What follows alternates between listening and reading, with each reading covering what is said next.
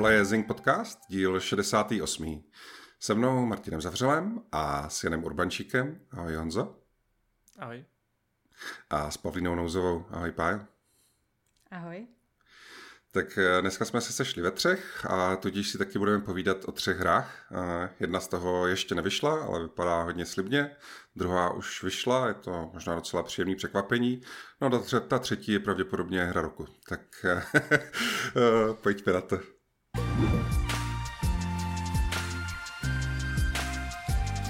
První hrou, o které se budeme dneska povídat, je Layers of Fear, a to je asi název, který už jste někde slyšeli, protože přesně takhle se jmenuje hra, která už jako před pár lety vyšla. Ale uh, ono je to vlastně takové komplikovanější, protože tahle hra, o které chci mluvit já, tak se původně jmenovala Layers of Fears. Nicméně to Esko na konci nakonec odstranili, takže z toho vzniklo tohle, kdy eh, ta nová hra se může plést s tou první, ale ve skutečnosti je to vlastně spojení více dílů, no prostě je to složité. Takže abych to vysvětlil, co to teda je vlastně za hru. Tak uh, Layers of Fear, jakožto série, tak je taková jako řekněme hororová, asi handlivě bychom to mohli označit jako walking simulator, taková ta zkrátka jako hororová temná hra, ve které chodíte možná vyřešíte nějaké puzzle, ale není tam vyloženě žádný souboj nebo tak něco.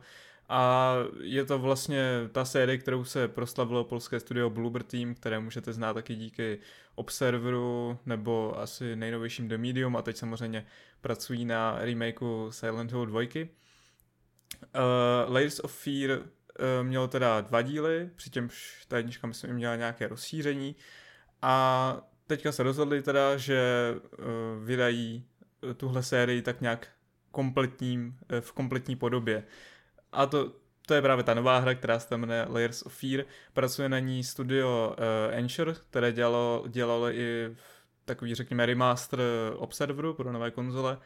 A tohle je v podstatě něco podobného. Je to teda vlastně kombinace jedničky a dvojky, ještě s tím rozšířením pro jedničku, ale je tam taky uh, úplně nový obsah. A je to, takže je to takový mix, jako je, řekněme, je to remake, spíš jakoby asi nějaká reimaginace, protože tam i předělávali některé věci, přidávali tam různé nové mechaniky a samozřejmě to uh, vylepšili především po vizuální stránce.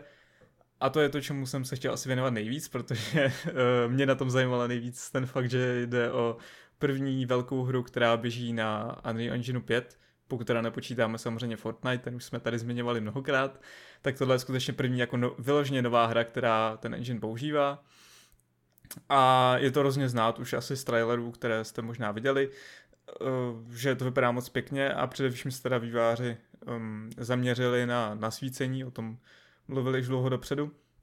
Takže jsem se na to dost těšil, takže mě velice potěšilo, když uh, výváři oznámili, že uh, bude k dispozici demo, které teďka při natáčení ještě stále k dispozici je, ale myslím, že jak tenhle podcast vyjde, tak už asi nebude, protože to bylo omezené na jeden týden a vyšlo to jenom na PC, na Steamu, zatím o žádné konzolové verzi toho dema se nemluví, takže nevím, jestli nějaké bude, ale ta hra vychází, tuším, že nějak 15. června nebo něco okolem toho, možná 16. takže prostě v půlce června je už to hodně blízko, takže myslím, že už ti konzoloví hráči se chvilku uh, dočkají.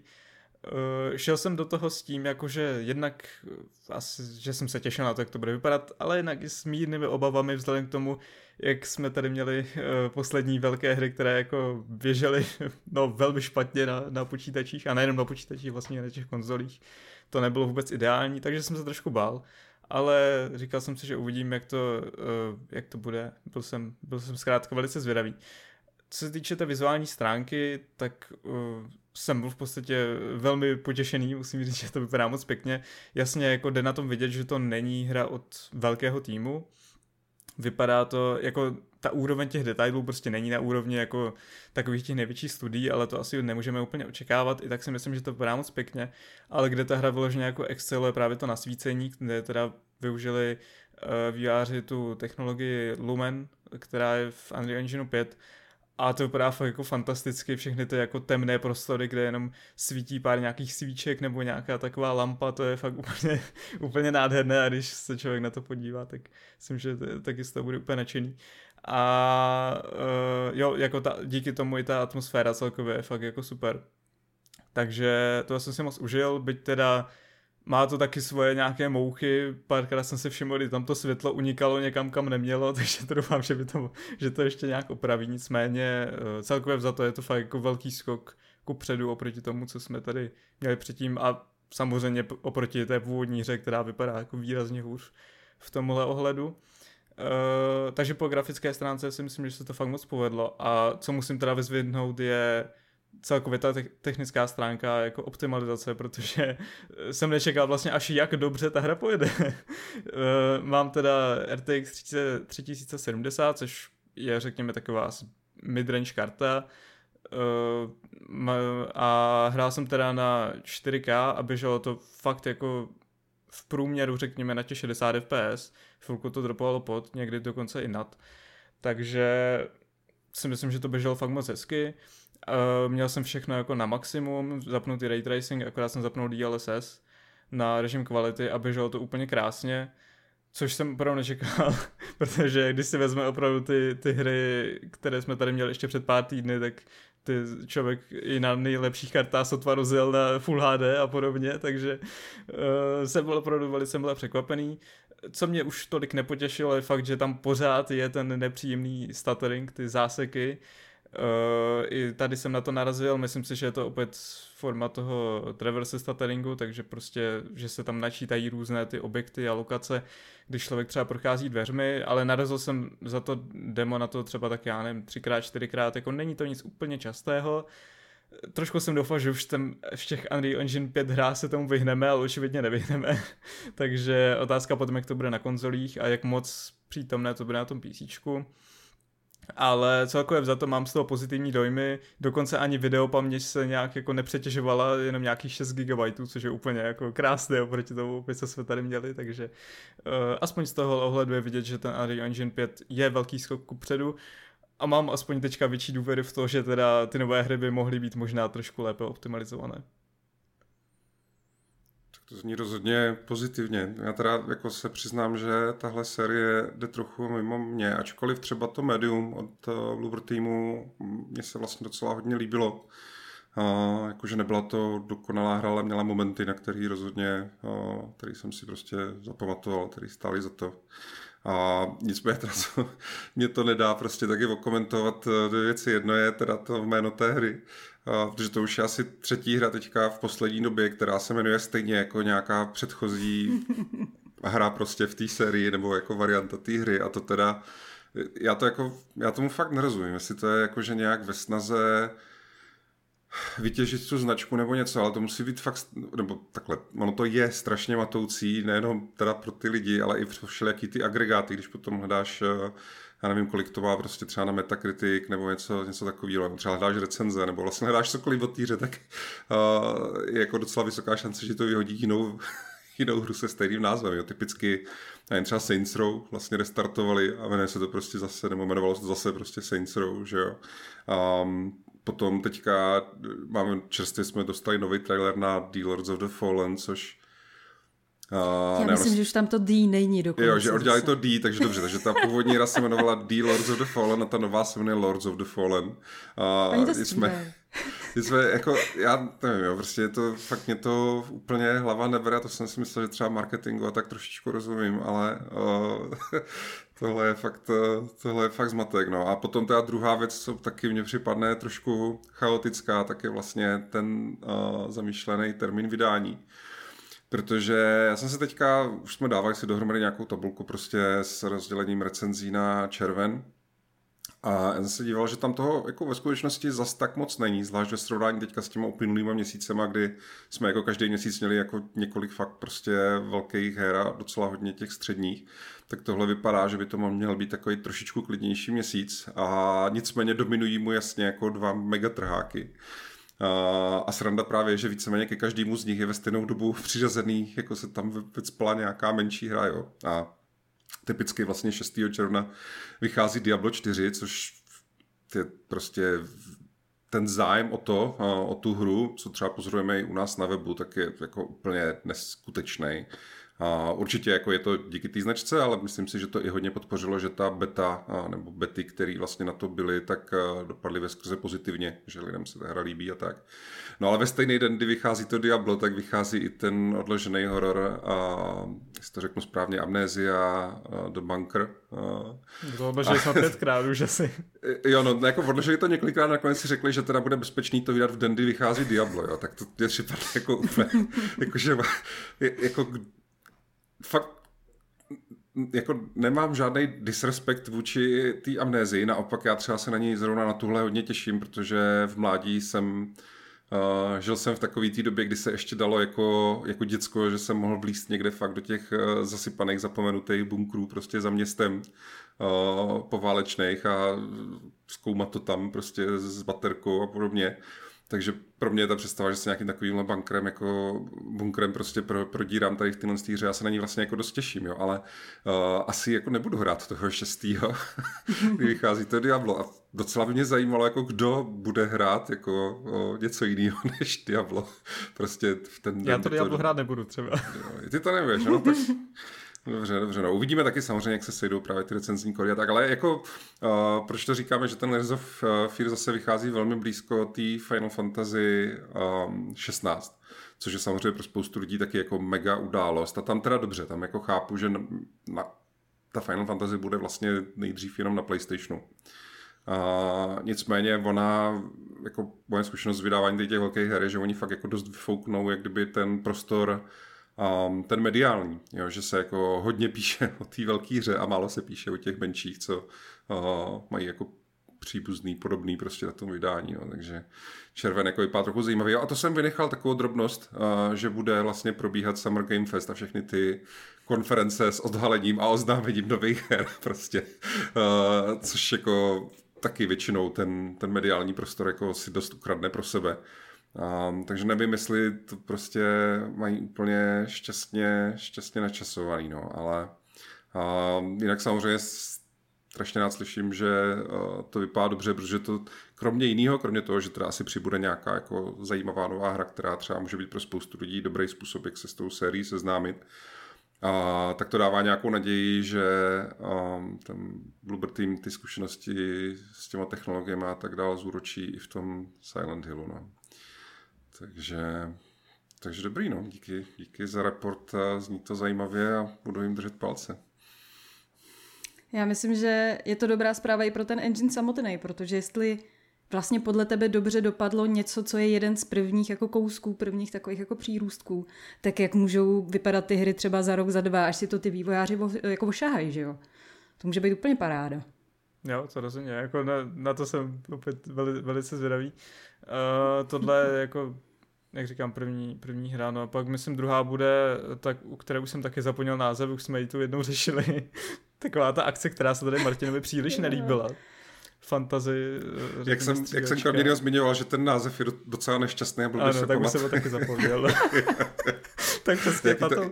Immortals of Avium, nebo Jo, Immortals taková... of Avium, ano. Tak to bude, je, myslím, ta druhá, ta vyjde někdy v červenci a pak už to asi bude jako následovat. Um, ale samozřejmě ty, na ty vyloženě velké si musíme ještě počkat, jako třeba Hellblade 2, to bude určitě taky velká ukázka toho, co ten engine dokáže. Ale jo, bude to hrozně zajímavé a snad konečně dorazí teda ta nová generace her, na kterou vlastně pořád čekáme, protože jsme pořád tak nějak z velké části v té části, kdy vychází spoustu her na obě generace konzolí a teď už se to snad konečně bude měnit. Jsem s tím.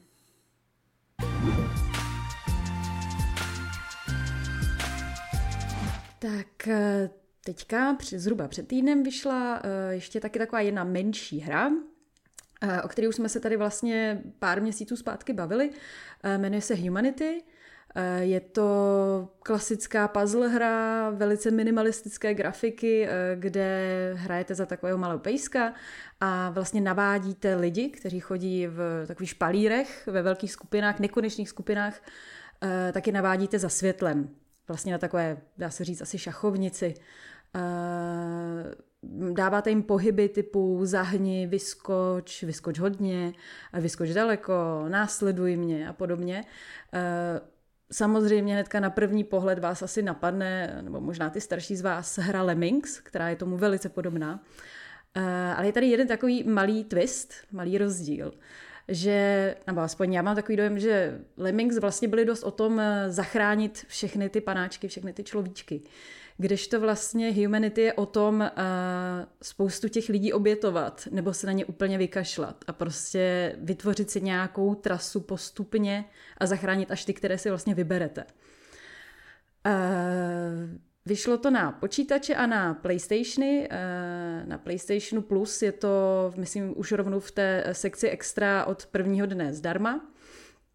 A já jsem to vlastně hrála na tom PlayStationu, jsem zhruba teďka v polovině. A překvapivě jsem zjistila oproti tomu demu, o kterém jsme mluvili právě těch pár měsíců zpátky, že uh, ono to má příběh. Uh, sice takový velice jako jemný, uh, spíš takový metaforický, hlubší, ale má to příběh a je hrozně zajímavý. Uh, vlastně je to rozdělené do takových kapitol, nebo tady je to nazvaný sekvencí a každá ta sekvence má nějaký název. První je třeba probuzení, awakening, další jsou třeba fate, osud a podobně.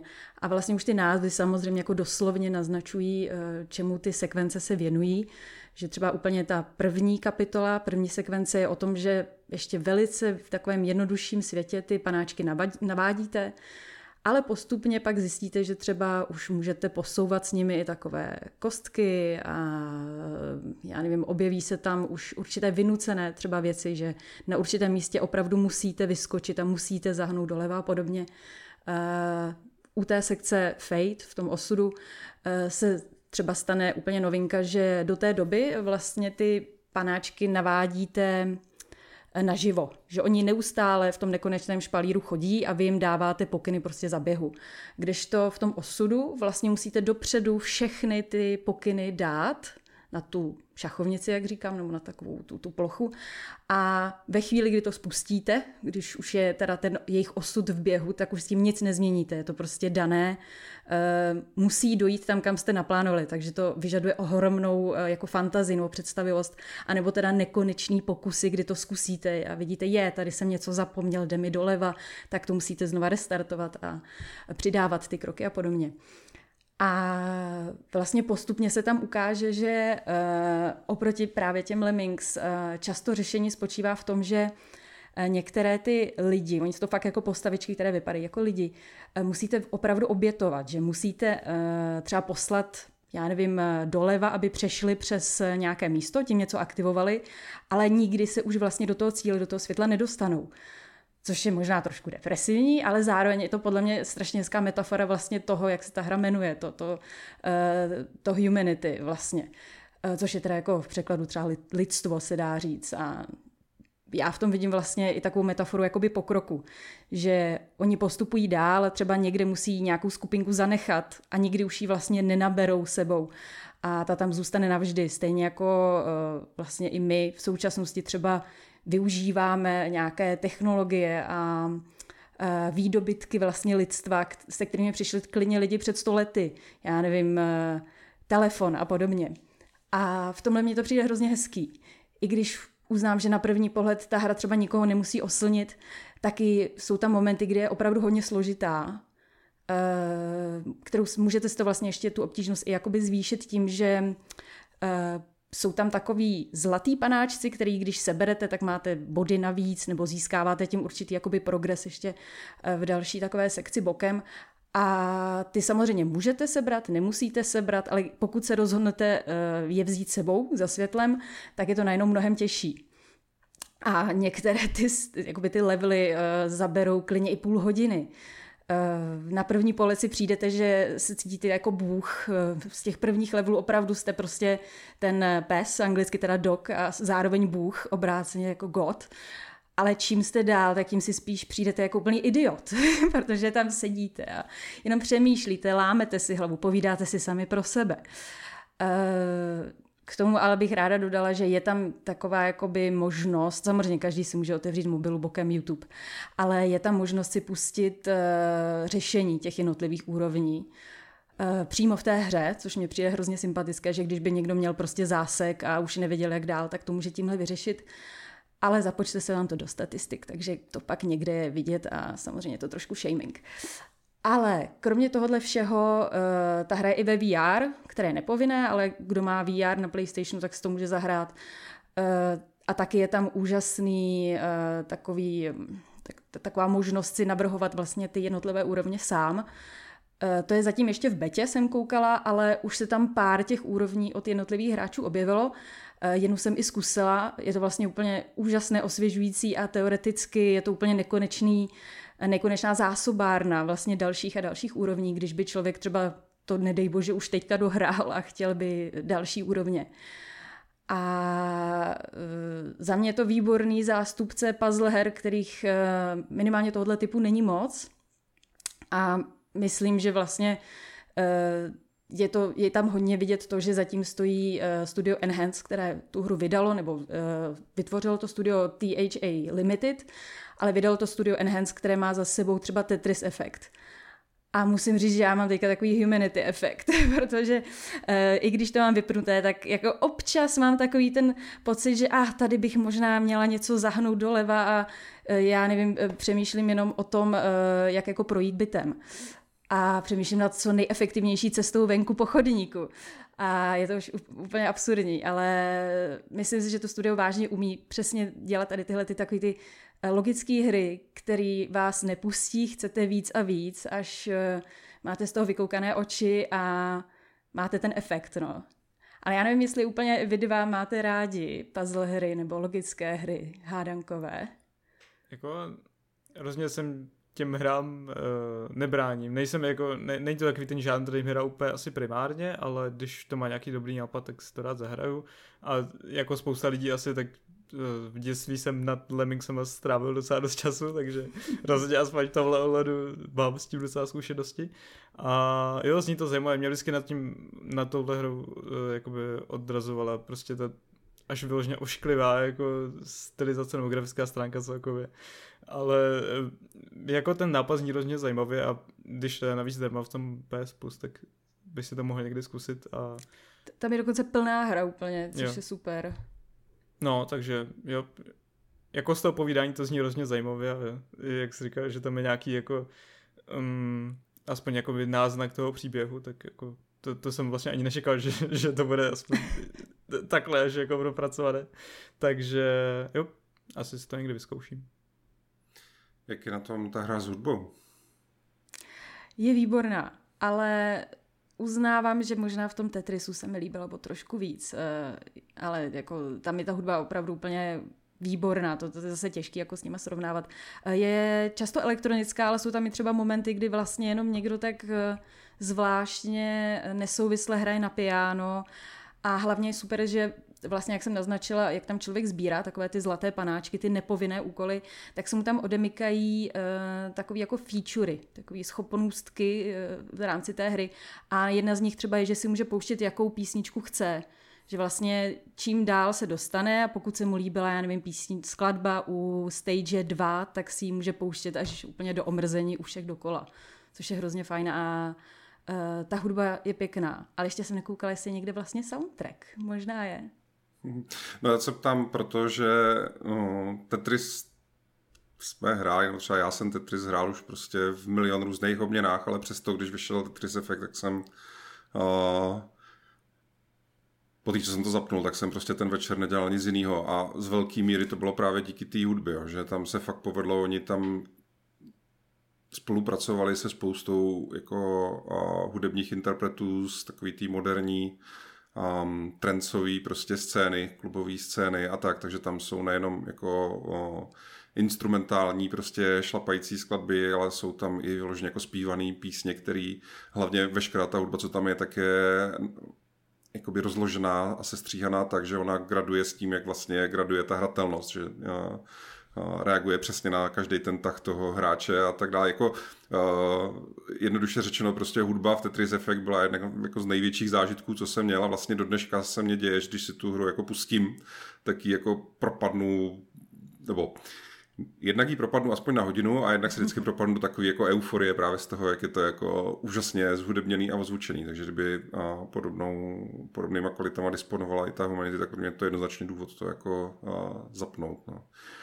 A nemluvě teda o tom, že ten zbytek zní, zní taky zajímavě. No. Tady ty jakoby metaforický um, polopříběhy, které jsou spíš o nějakých myšlenkách a pocitech, než o vyprávění jako o toho, že někdo někam šel a něco tam udělal.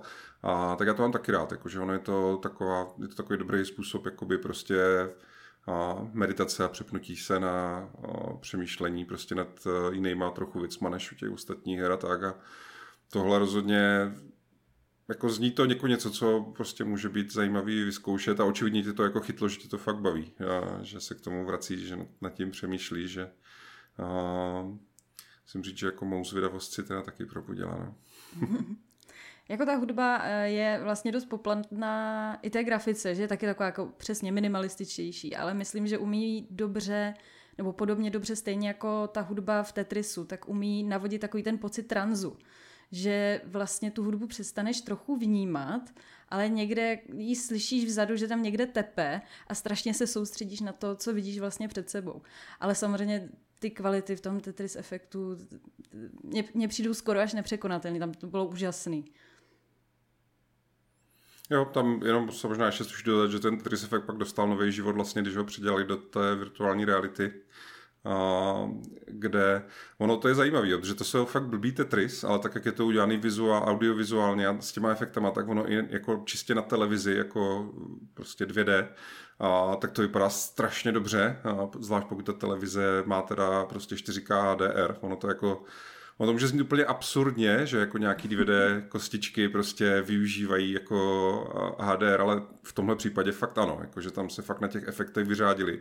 A pak právě, když člověk ještě hraje v té hlavně tu virtuální realitu, a teďka třeba to vyšlo jakoby samozřejmě upravený pro tu PlayStation VR 2 helmu, a tak vlastně je to tak, že jako člověk se někde vznáší, někde, já nevím, prostě na mořském dně nebo někde jako uh, na oběžní dráze planety Země.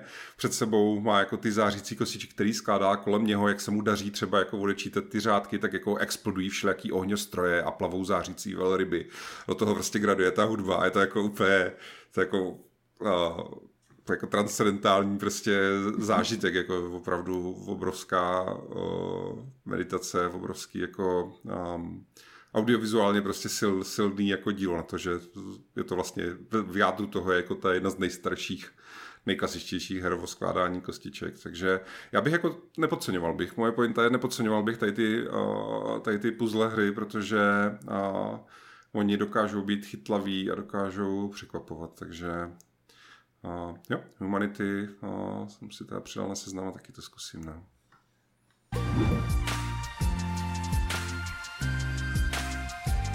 Hra, která eh, v tyhle dny a týdny eh, rezonuje eh, celým herním průmyslem asi úplně nejvíc, tak je zaslouženě The Legend of Zelda Tears of the Kingdom.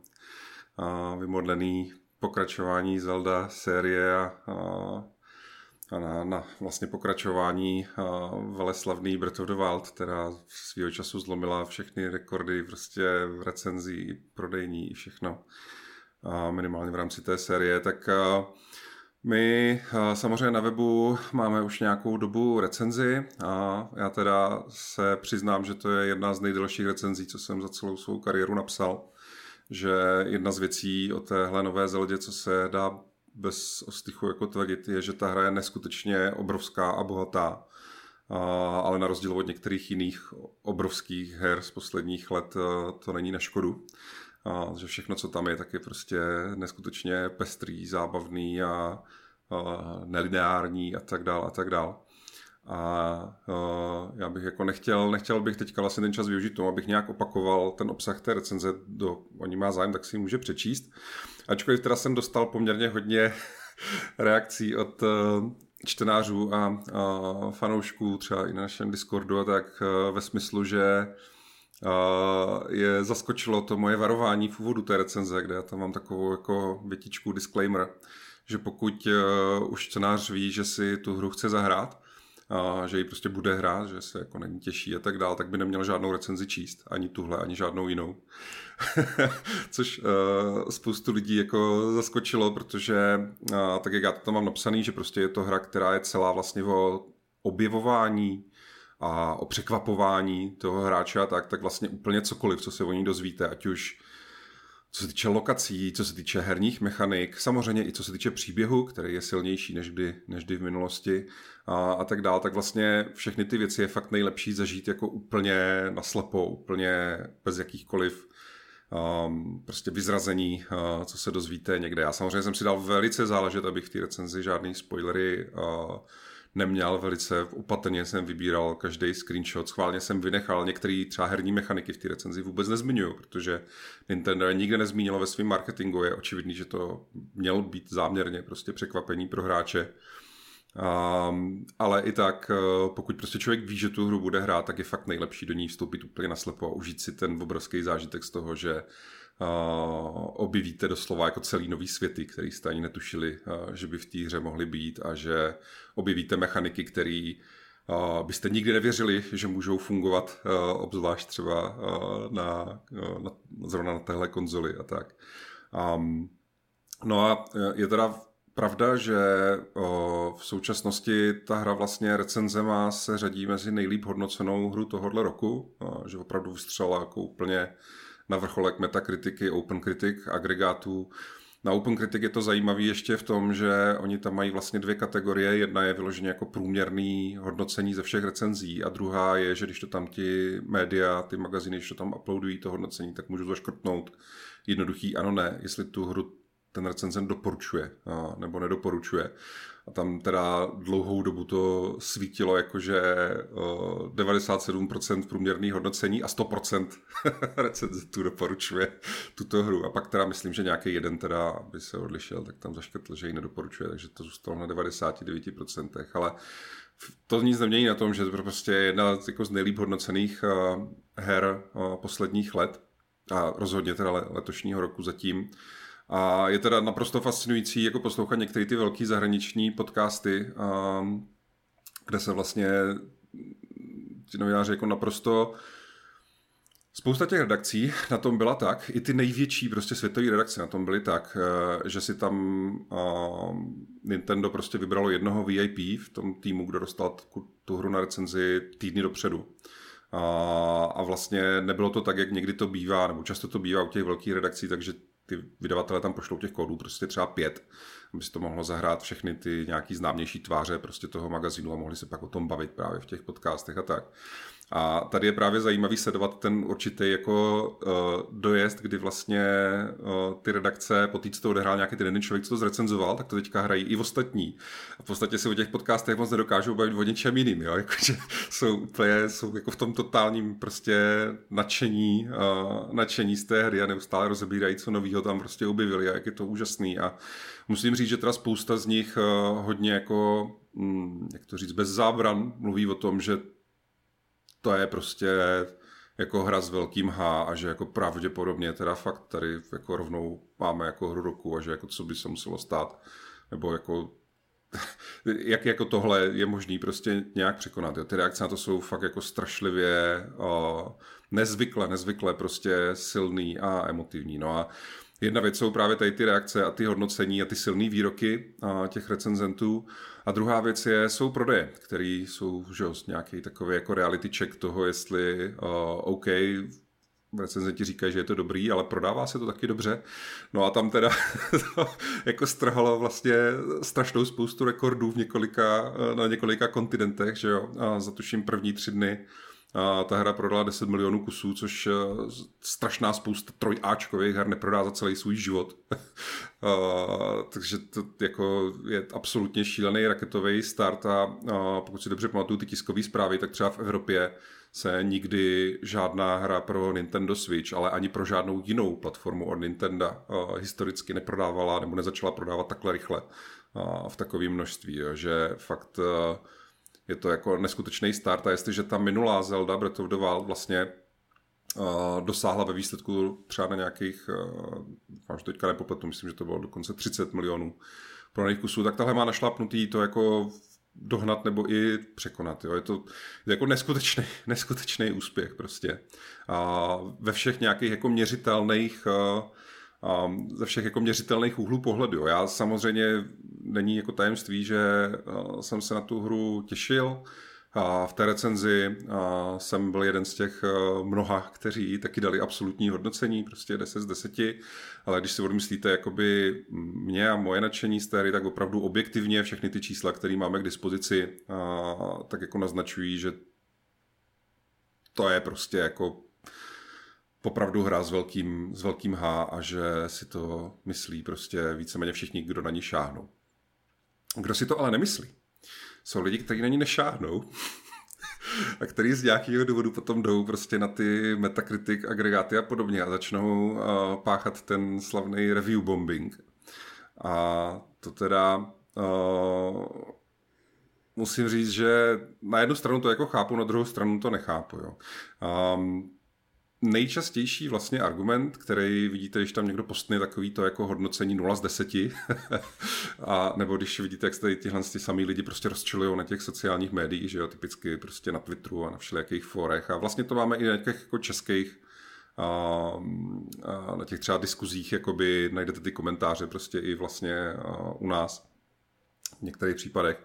Tak nejčastější, čím oni jako argumentují, je, že ta hra jako škaredá a že běží v mizerném rozlišení a že běží jenom 30 snímků za vteřinu prostě. Jo. To je jako nejčastější vlastně argument, který oni jako vytáhnou, jako že jak můžete tohle srovnávat s nějakou prostě moderní AAA, next gen, prostě 4K, nevím, 120, prostě bla, bla, bla a tak, jo. A já nevím, jestli uh, jak jako tady těm lidem někdy by pomoct prostě pochopit, že ty hry jsou fakt o tom jako hraní a že když jako hra skvěle vypadá, když má fakt jako nádhernou grafiku a skvěle prostě uh, běží a tak dál, uh, tak je to jako hrozně fajn. Může to být jako strašně silná vlastnost té hry. Před chvilkou jsme se bavili o Tetris Effect, která uh, navzdory tomu, že to je nějaký skládání kostiček, to má audiovizuální zpracování, který vás jako absolutně prostě ohromí. Je to jako, je to jako super vlastnost té hry, ale podle mě to fakt není její hlavní vlastnost. Jako hlavní vlastnost hry je prostě hratelnost, to, jak se ta hra hraje. A věci, které uh, Zelda Tears of the Kingdom dělá, uh, po stránce hratelnosti, tak jsou jako naprosto z jiného světa. Jsou jako naprosto prostě nevýdaný, jakože nepředstavitelný. Kdyby vám to někdo prostě před rokem popisoval, že tohle budete dělat ve hře, tak mu nebudete věřit, že se to stane jako na moderní prostě next gen konzoli nebo super výkonným počítače. Když mu pak řeknete, že se to jako děje na uh, konzoli Nintendo Switch, tak jako úplně si myslel, že, že si z něho děláte jako legraci. A tohle uh, není jenom můj názor, ale je toho vlastně zase, jsou toho jako plný ty sociální sítě, tak se k tomu vyjadřují právě hodně vývojáři, a herní vývojáři, zkušení herní vývojáři, kteří s velkým obdivem právě komentují ten jako neuvěřitelný technický zázrak a tu designerskou odvahu a prostě ty věci, které v té hře jsou. Jo. Já um, nemám teď připravený, jako že bych vytáhl rovnou ty jména, ale když to jako začnete uh, hledat, tak to najdete a vím, že uh, často oni tam právě komentují to, že ten svět té Zeldy, uh, který byl už tak jako neskutečně obrovský, v tom předchozím díle, v tom Breath of the Wild, tak je tady opravdu ještě větší, ale on je větší jako nejenom, že se jako někam jako táhne do dálky, ale on je hlavně větší, že právě má ty vrstvy na té obloze. A to není tak, že jako na obloze v nějaký jedné výšce plave nějakých několik letajících ostrovů, ale to je tak, že na té obloze v mnoha různých výčkách je mnoho různých prostě letajících ostrovů, různých velikostí, tvarů a tak dále. Jenom jako přesouvat se mezi nima horizontálně i vertikálně je samou sobě zážitek, kdy jako v určitý výšce pak máte třeba mraky. Ty mraky jsou dělané nějakou prostě novou technologií a fakt vypadají dobře a ten zážitek z toho, když jako prolítáváte prostě eh, těma mrakama, třeba jste jako pod nima a je bouřka, takže je prostě potemnělo, zataženo, jo, prostě prší tam, blízká se a teď vy jako vyletíte nad ty mraky, takže najednou ta bouřka zůstane pod váma a vy vidíte třeba jako nádherný západ slunce a tu čistou oblohu jako a ty pod sebou máte ten polštář z těch mraků. A to jsou jako věci, který jsem vlastně nezažil jako v žádný hře na žádný platformě. A to, že to tady je jako mimochodem jako jedna z několika vrstev toho herního světa, té Zeldy, kde jako vy odsud plynule můžete jako sletět a přistát na tu obrovskou rozlohu té krajiny pod tím. A to ještě furt není všechno, protože pod tou krajinou je obrovský prostě systém jeskyní a podzemních labirintů, do kterých vy můžete klidně rovnou z té oblohy plynule sletět přes ten povrch jako rovnou až do toho podzemí a zase zpátky. Že jako ten svět je na to fakt jsou, jakýkoliv slova jsou krátký na to, jak ten svět je neskutečně jako komplexní horizontálně i vertikálně, jak je jako nápaditý designově, ale zároveň tam nikde tam prostě není žádný loading. Jako celý je to prostě naprosto plynulé, nejenom, že jako na plynule přecházíte mezi jedním a druhým, ale vy tam jako vode všad všude vidíte. jo, prostě z nejvyššího ostrova někde na obloze, když je jako dostatečně roztrhaný mraky, tak vidíte to prostě tu krajinu pod sebou a naopak, jo, je to jako to, tohle je jako jedna věc. A teď druhá věc, to třeba právě ty vývojáři taky hodně komentují a, tak, a obdivují, tak je, že ty mechaniky, které tam máte, je kromě jiného třeba, že můžete jakýkoliv předmět víceméně slepit s jakýmkoliv jiným předmětem. Jo, což jako samo o sobě, jako věděli jsme už minulý Zeldě, že jako tam je pokročilá fyzika, že jako ta fyzika umí docela dobře reagovat na to, když něco, já nevím, zhodíte prostě ze zvrchu dolů nebo něco takového. Um, ale tady jako nově opravdu můžete chytnout jakoukoliv víceméně neživou a občas teda i živou věc v tom prostředí a přilepit ji prostě k něčemu jinému. A ještě teda uh, ta hra si jako umí udělat, že uh, občas si ty objekty jako přizpůsobí, a že jim třeba jako upraví velikost nebo nějaký jako k sobě přilepí tak, aby to vypadlo a fungovalo uh, líp. Je to jako neskutečně dynamický, ale přitom jako vypiplaný systém. Uh, kdy zase jo, vy můžete vzít nějakou poměrně velkou, složitou, komplexní věc, kterou jste třeba i vyrobili, která sama o sobě je slepenec několika jiných věcí a přilepit na ní další a táhnout to za sebou. A veškerá ta fyzika těch částí se bude jako chovat správně nejenom co se týče těch návazností těch dvou těles na sebe, ale i třeba, já nevím, nerovností v krajině nebo jakýchkoliv impulzů, který to jako dostane, což je samo o sobě prostě okolo tohohle by vlastně úplně v pohodě mohla existovat samostatná hra a neměla by se jako za co stydět. Jo. Ale tady je to jako jeden z několika systémů, na který potom navazují ty další systémy. Jo. Jeden uh, z úplně jako nejšílenějších je, že ta hra neustále neustále prostě zaznamenává pohyb všech těch neživých věcí kolem sebe a vy v jakýmkoliv okamžiku, kdykoliv, kdekoliv, můžete zmáčknout tlačítko, ukázat na jakoukoliv tu věc v tom prostředí a říct, ale tahle věc se teď vrátí v čase. A ten systém tady doteďka zaznamenával všechno, co se prostě děje, tak normálně je schopný opravdu, já nevím kolik, minutu možná nebo něco takového, jako vzít prostě tu věc a normálně ji začít animovat zpátky v čase to, co se jí dělo předtím, než jste jí ten pokyn jako zadali, což je to je jako neskutečný. A to pak jako tam děláte takové ty věci, jako že se potřebujete dostat někam nahoru tak vyhodíte do vzduchu prostě nějaký předmět, nějaký prkno nebo něco, ten předmět vyletí do vzduchu a zase spadne, že jo? A vy mu potom jako řeknete, tak a teď se vrať v čase, a on se začne pomalu vracet v čase do toho bodu, kdy jako vyletěl do toho nejvyššího místa a vy na něj naskočíte a necháte se vyníst na to místo. Jo? Jako to je jedna z mnoha jako aplikací tady tohohle. Samozřejmě taková ta další klasická je, že nějaká příšera po vás hodí nějaký balvan nebo třeba výbušný sud a vy zastavíte ten čas, ukážete na tu věc, co po vás hodila a řeknete vrať se v čase. A ta věc, místo aby spadla na hlavu vám, tak se vrátí jakoby po té dráze, jak letěla od toho nepřítele a spadne na hlavu jemu. Jo? A to je jako pohromadě všechny tady ty systémy, ještě teda s tím, že tam je znovu připraven obrovský streamovaný svět kolem vás a ještě s tím, že tam často pobíhá spousta AIček, prostě postav jako poháněných umělou inteligencí, který jsou jak vaši spojenci, tak vaši nepřátelé. že tam jsou vlastně nově, tam jsou takový ty bitvy, kde se jako nebijete vy a jeden nějaký nepřítel, kde se bijete vy, nějaký další prostě spoje, spojenci jako postavy, zpřátelený no, armáda jako vaše a, a ještě teda ty nepřátelé. Že tohle všechno se tam jako děje pohromadě na konzoli, kterou někteří z těch vývářů tam říkali, to je, jak kdyby to běželo na pět let starým mobilním telefonu, jako. To prostě nedává smysl. Je opravdu jako absolutní technický zázrak. Jo. To je nejenom, že a jak právě v tom review bombingu a tak si přečtete, že to je jako technický hra, která má mizerný rozlišení a uh, běží jenom 30 fps, ne, ono to je jako přesně naopak.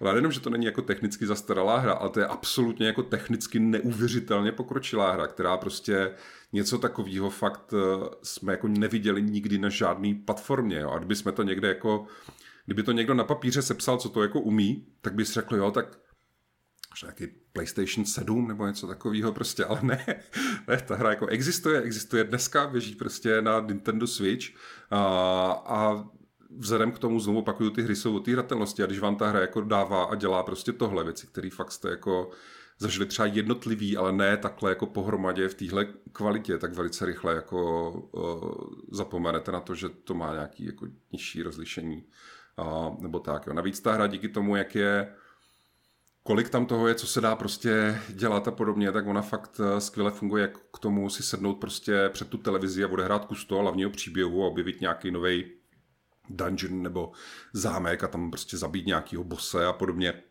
Tak ona svádí k tomu to hrát fakt na těch cestách, v tom handheld modu, kde v tom handheld modu jakoby třeba to nízké rozlišení vlastně není, není vůbec jako problém, že jo? Tam uh, naopak i tak jako máte občas problém na tom displeji, uh, že to je jako příliš, příliš titěrný. A uh, je to je to opravdu, je to jako neuvěřitelný prostě technický designový. A co jsem ještě zapomněl, co teda taky všichni, jako pak ty vývojáři jsou no, z toho jako pav. Um, ještě furt čekáme na to, až někdo objeví nějaký bug v té hře. Že jako, já jsem třeba na tu recenzi jsem prostě odehrál 100 hodin, a, nebo přes 100 hodin a, a jako neviděl jsem jeden jediný bug. A úplně to samý jsem si přečetl v několika recenzích jako dalších třeba zahraničních magazínů a tak. A zmiňují to jako spousta lidí, jo, že prostě kde jako nějaký bug, to nedává smysl, tak aspoň se to musí někde jako rozbít. Už jenom proto, že ten svět je tak obrovský, už jenom proto, že je tam toho tolik, už jenom proto, že ty mechaniky jsou tak komplexní a že by se měly být mezi sebou, ale ne, ta hra prostě ne, nemá bugy, prostě šlape jak hodinky navzdory těm absolutně šíleným věcem, co se tam dějí. Ona má samozřejmě občas nějaký propady té plynulosti, i, i třeba pod těch 30 fps, um, ale z mých zkušeností to jako nestojí za řeč, protože oni fakt nejsou častý. A je to takový to, že když jako postavíte něco fakt složitýho a máte tam fakt strašně moc postav zaraz a tak dál, tak mi připadne, že to má tendenci jako na chvilku se zadýchat, na chvilku to prostě klesnout pod těch 30, eh, ale že to je fakt na chvilku, jako na pár vteřin a pak třeba jako hodinu, dvě hrajete a balí to jako bez problémů. A tam stojí možná za zmínku, že vlastně ta, ta hra nově využívá to, co ještě třeba Breath of the Wild neměla, tu FSR technologii, což je v podstatě obdoba uh, DLSS od, uh, v tomhle případě teda od AMDčka. A to je prostě jeden z těch nových uh, moderních procesů, který vlastně pomáhají dosáhnout uh, vyššího rozlišení a menšího zatížení procesoru a tak dál. Uh, takže to ve výsledku prostě běží uh, a vypadá líp, než by než by běželo bez téhle technologie. Já nevím, Honzo, nedíval se z náhodou na ten technický rozbor od eh, Digital Foundry? Jo, díval. Odnesl, odnesl jsi z toho nějaký postřej? Uh, jo, jako co si všimne člověk asi na první pohled, tak to vypadá jako vlastně dost podobně jako Breath of the Wild, byť teda něk, jako samozřejmě tam se změní některé ty lokace, že jo, to je spojeno přímo s tou hrou, ale po stránce grafiky je to vlastně dost podobné. Největší rozdíl asi tam je teda v v tom, že použije to FSR, což bohužel použije jenom tu FSR 1, což už je poměrně jako, no nechci říct zastaralá, ona ta technologie je stará pár let, ale jako už se prakticky nepoužívá. A musím říct, že je to docela znát až jako do té míry, že těžko to také soudit, jako když to vidím na velkém monitoru, ale jako vyloženě v tom videu mi to přišlo, že někdy vlastně vypadá líp ta předchozí hra.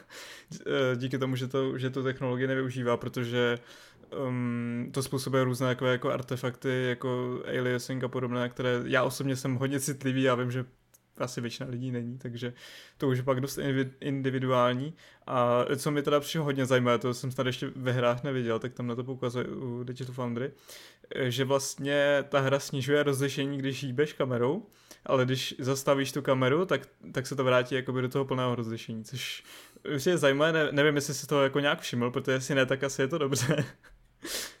ale jako je, je, je to zajímavý způsob, když si toho člověk nevšimne, tak asi je to dobře implementované teda, no. Oni tam dělají strašně moc, to je taky jako trošku, uh, nebo jako málo se o tom mluví, ale oni tam dělají hrozně moc všakých triků jako s efektama, s full screen efektama.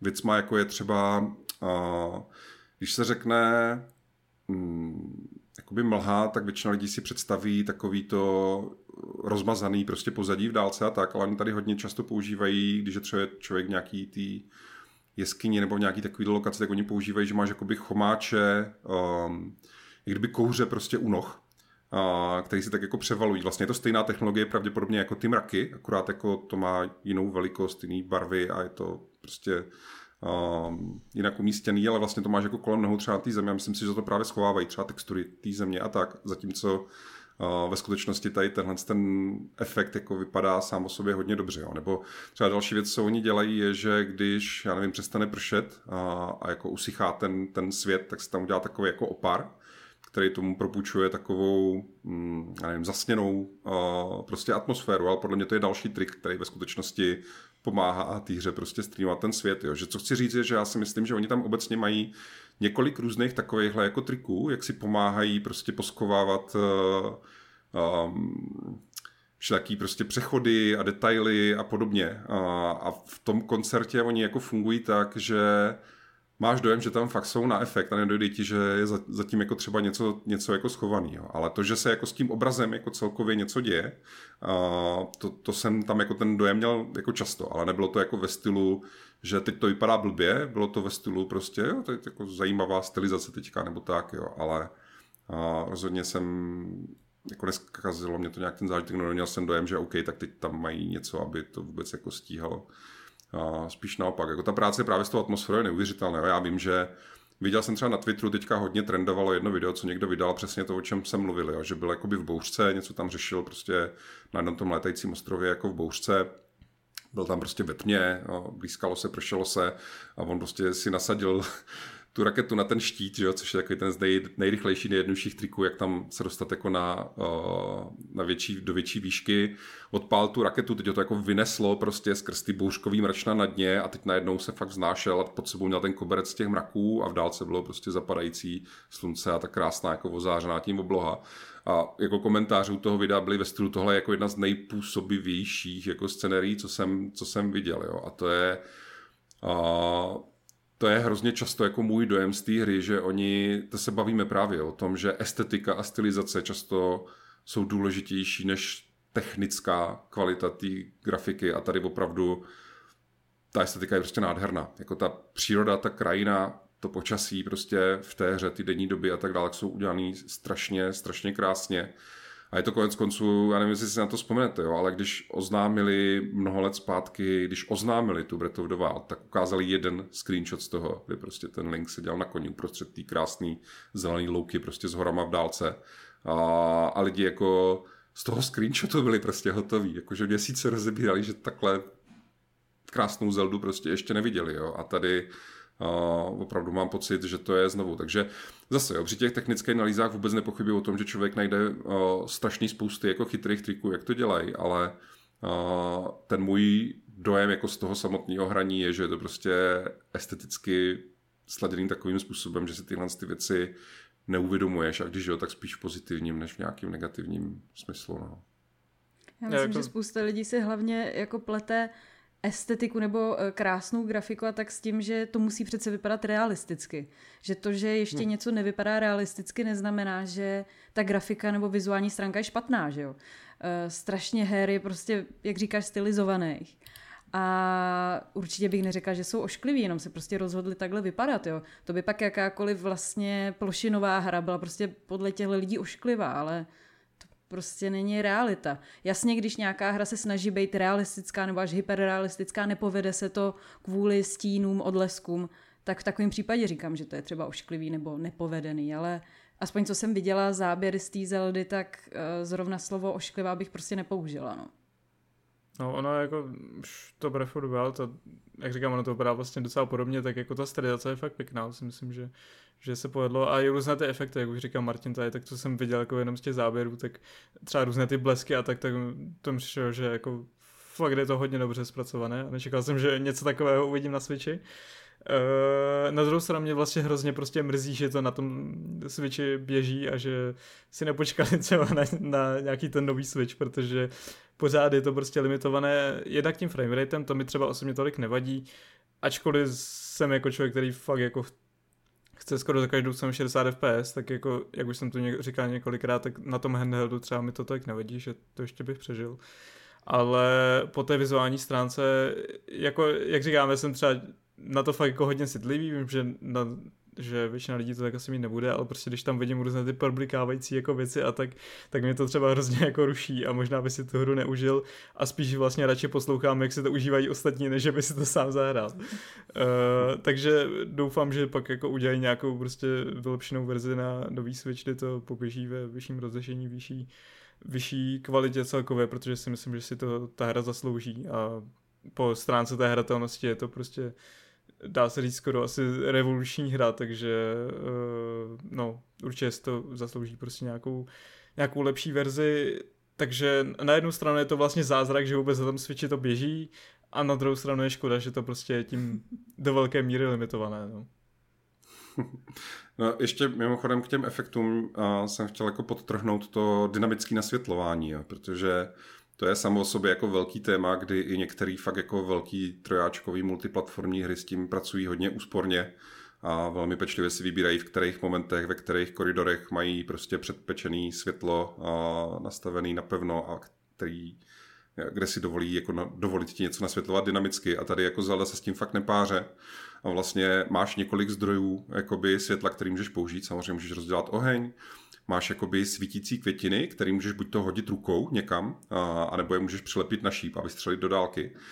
A když jsi jako někde v tom otevřeném světě, a i když je třeba noc, a, tak ta tma samozřejmě není absolutní, protože svítí měsíc, ať už normální nebo ten krvavý a, a tak dál. Ale když jsi někde v podzemí, tak s tím dynamickým nasvětlováním taky dělají úplně jako absurdní, technicky jako nevýdaný věci, protože eh, jedna z hlavních novinek vlastně v té, v té Zeldě je, že tam nejsou jenom takový ty jeskyně, co si představíš prostě normálně, já nevím, um, že to je nějaká chodba a na konci je nějaká místnost, ale oni tam fakt mají podzemní labirinty, které mají jako rozlohu prostě jako v kilometrech, jakože to jsou prostě gigantický podzemní prostě propasti a sály a jako takovýhle věci. A ty fakt jako ten zážitek, když jako stojíš někde, prostě máš před sebou tu absolutní tmu, vůbec netušíš, jako jestli je před tebou metr stěna, nebo propast, nebo jako co, co prostě je před tebou. Jsi fakt jako, vidíš fakt jenom tmu, prostě nemá, nevidíš nic před sebou.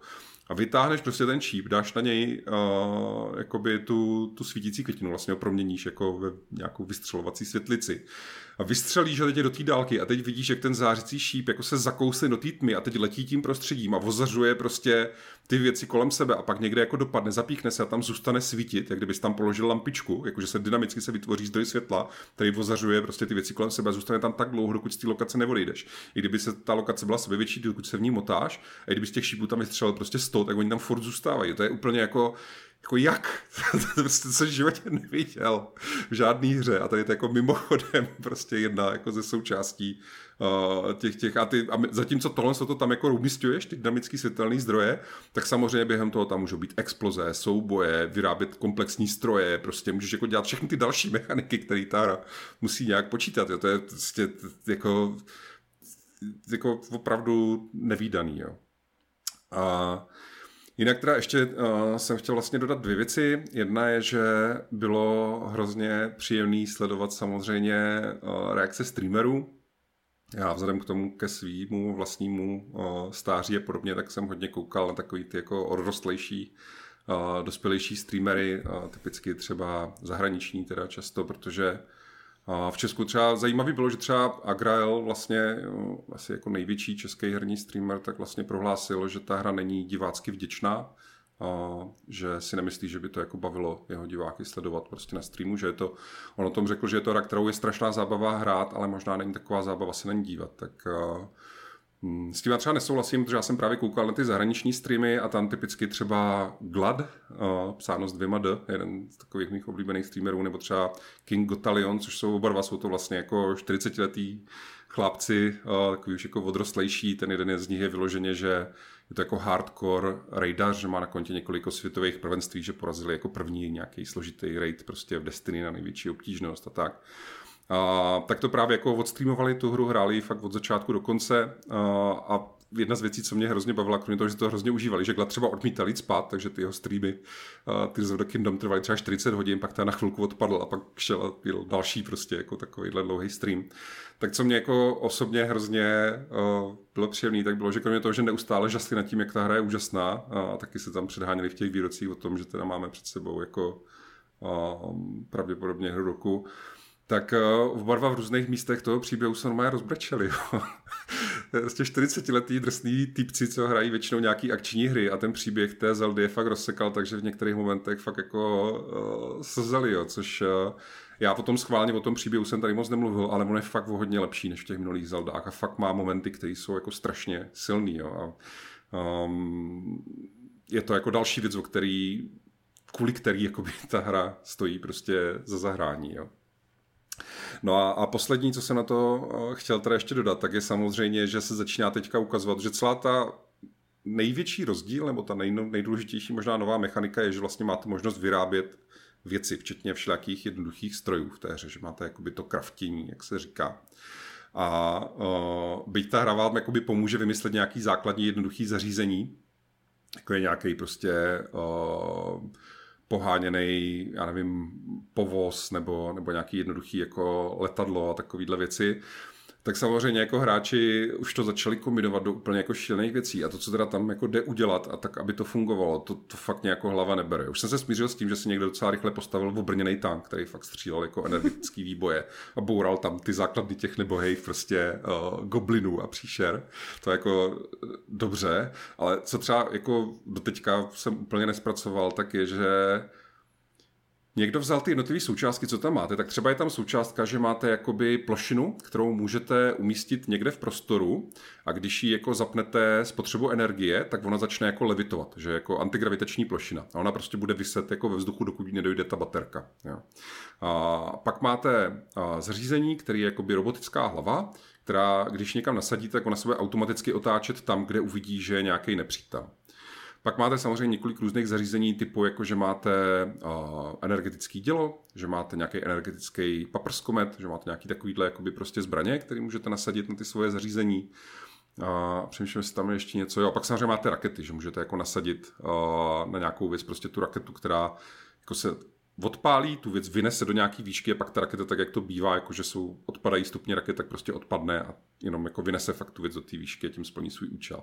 No a někdo vzal tady ty součástky, co jsem teďka pojmenoval, slepil je dohromady a vyrobil z toho automatickou, automatický orbitální laserový dělo. Což v praxi funguje tak, že prostě uh, nasadil tu raketu na tu plošinu, na tu plošinu nasadil asi 20 těch hlav, na který nasadil ty paprskomety.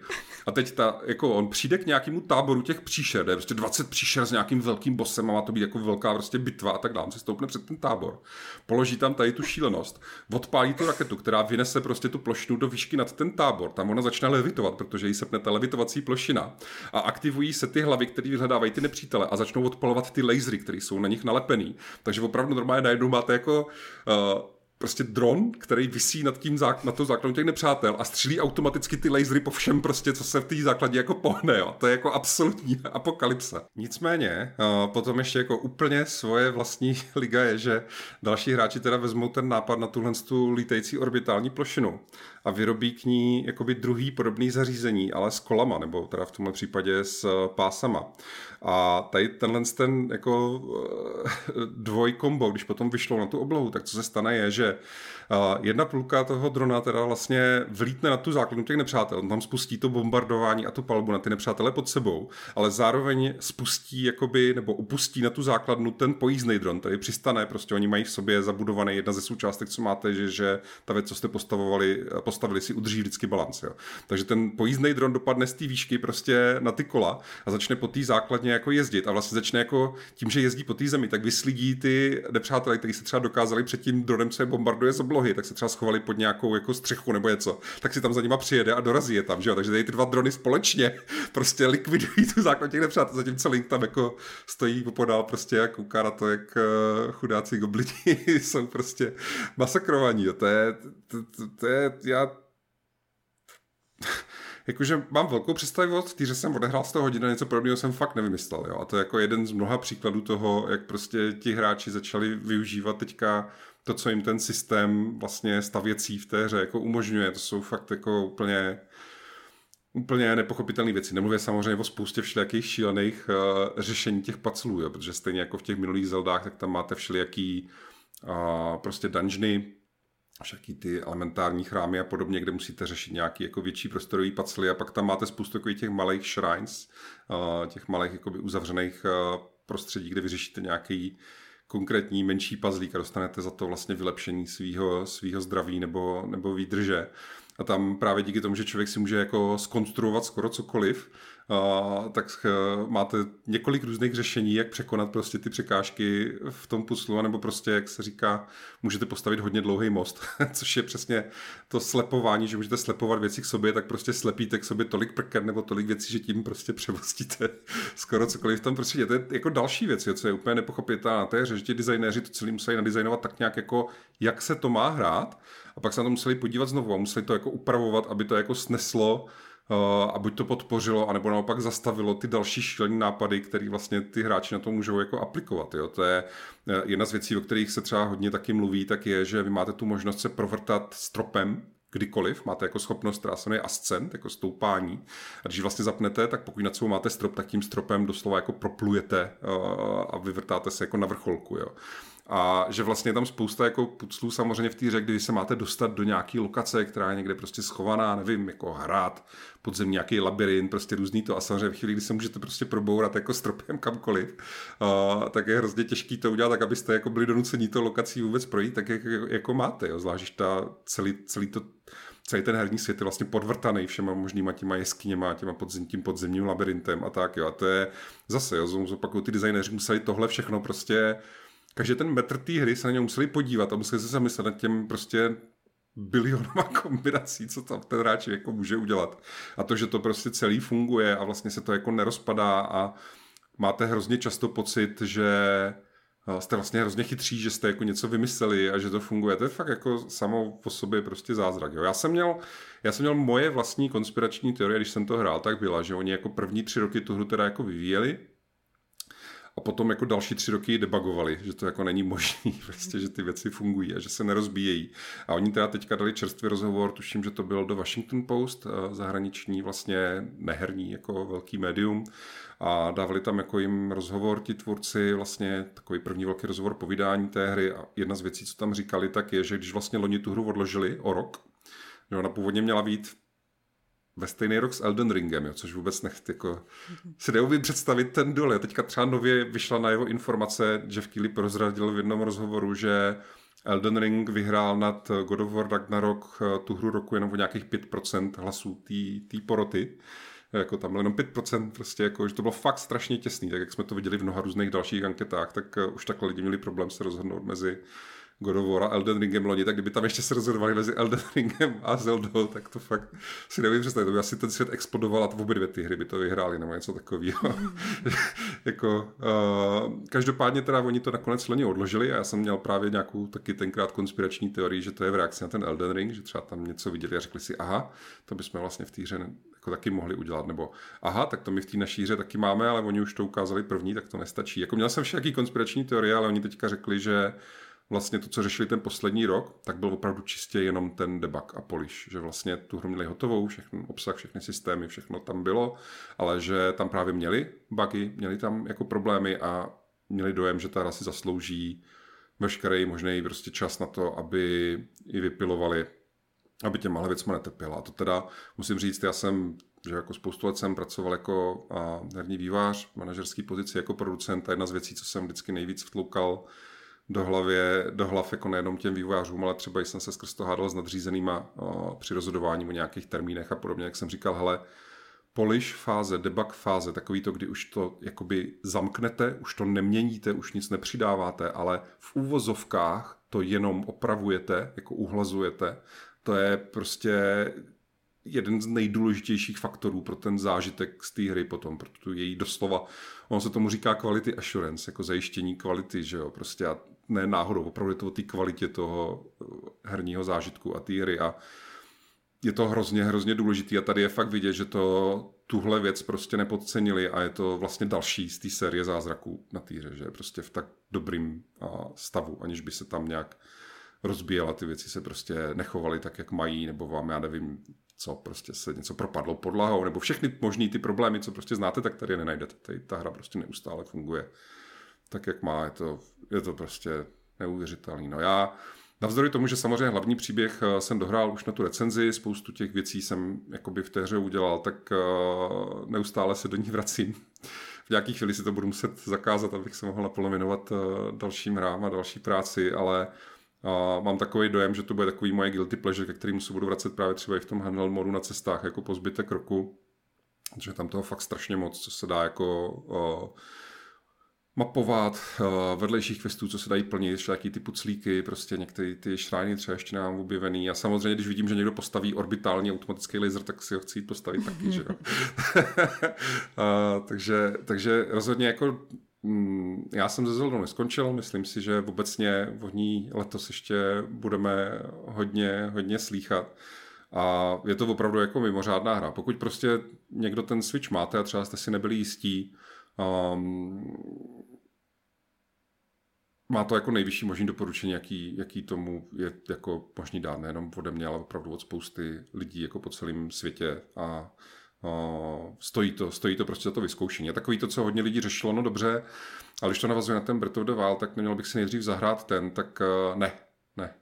Jedna z věcí, co jako uh, hodně taky je slyšet, prostě je, že ve finále, když člověk postaví ty dvě hry vedle sebe, tak ta nová je o tolik opravdu jako bohatší uh, obsahově, ale i právě mechanicky a tak dál, že vedle sebe jako ta the Wild vedle ní jako dnes, z dnešního pohledu vedle ní působí tak jako chudý příbuzný. Jo. Někteří dokonce říkají, to byl takový jako alfa test, si jako zkusili jako trošku nějak, jako jak by to mohlo fungovat a teď to teda jako udělali seriózně. Je to opravdu ten pokrok tam je tak obrovský, že uh, kdybyste si jako měli zkusit jednu z těch her, tak rozhodně začněte rovnou tou novou. A ten příběh on sice jako ano, jako by navazuje, ale je soběstačný, jako pochopíte ho sám o sobě. Jo. Je to prostě to království, ten rytíř, ta princezna, tak měli prostě nějakou jako katastrofu v tom minulém díle, kterou jako řešili. A, a teď v té nové hře prostě je tam další katastrofa, kterou taky musí vyřešit. Jo. Naopak, kdyby někdo byl takový, že OK, tak já jsem Zeldu nikdy nehrál, teď bych jí teda chtěl dát tu šanci, tak uh, vřel doporučuji si jako první zahrát ne Breath of the Wild, ale ten Skyward Sword, uh, protože Skyward Swordem a historicky začíná celý ten lore toho světa, a co jsou zač vlastně ty postavy a, a, a tak dál. Takže Skyward Sword, Breath of the Wild a Tears of the Kingdom pro někoho, kdo to chce úplně na maximum se vším všudy, ale jinak se vůbec nebojte skočit rovnou do Tears of the Kingdom a já vlastně furt čekám na někoho a, v mém okolí, nebo možná i klidně jako někde jako mimo mý okolí. Jako ještě jsem nenašel člověka, který by o týře pochyboval nebo ji vyloženě třeba kritizoval a pak si ji jako zahrál. A, že opravdu jako vidíte to lidi jako kritizovat a pochybovat o tom, kteří to ale nehráli. A já si upřímně si myslím, že když si to někdo jako zahraje, a to ne tak, že jako si tam jako hodinku projde a vypne to, ale že opravdu si jako zahraje aspoň jeden večer v té hře pořádně, tak si moc jako nemyslím, že by to jako nechytlo. Já nevím prostě, jo. to je uh, fakt je to takový jako zvláštní případ, kdy si myslím, že to není ani tak o žánrových preferencích, ale prostě o tom, jestli máte rádi hry. A ve smyslu, že jako to médium jako takový z té pozice té svý nějaký nápaditosti, interaktivity a vlastností toho, co prostě hry dělá hrama, tak mně připadne, že tohle je úplně jako distilovaná esence toho, co dělá hry prostě hrama a že jako strašný potěšení se do toho prostě ponořit a uvědomit si, uvědomit si, co ty hry vlastně můžou být, protože já fakt, já jako dokud se nehrál Tears of the Kingdom, si se ani neuměl představit, že by něco takového mohlo jako fungovat. A to jsou, to ještě připomínám znovu, že já se jako držím zpátky a schválně nemluvím o některých těch mechanikách, který, jsem, který si myslím, že jsou právě natolik zajímavý, že by si je hráči měli objevit sami. Akorát bych, ono by se to dalo hrozně snadno dvouma třeba větama, aby se to jako vyzradit, ale furt tam jsou ještě další jako naprosto nečekané věci, které jsou prostě úžasný, úžasný, no. Takže takže tohle se prostě povedlo. Zahrajte si to a, a uvidíme, jestli se dokážu udržet, abych o tom nemluvil, až se uvidíme příště. Ale vzhledem k tomu, že nás čeká v nejbližších dnech teďka a, PlayStation a, Showcase, tak pravděpodobně budeme mít další a, zase jiný zajímavý témat, o kterých si budeme povídat příště. Tak a, se na to budeme těšit a do té doby vám přejeme příjemné hraní. Ahoj. Ahoj.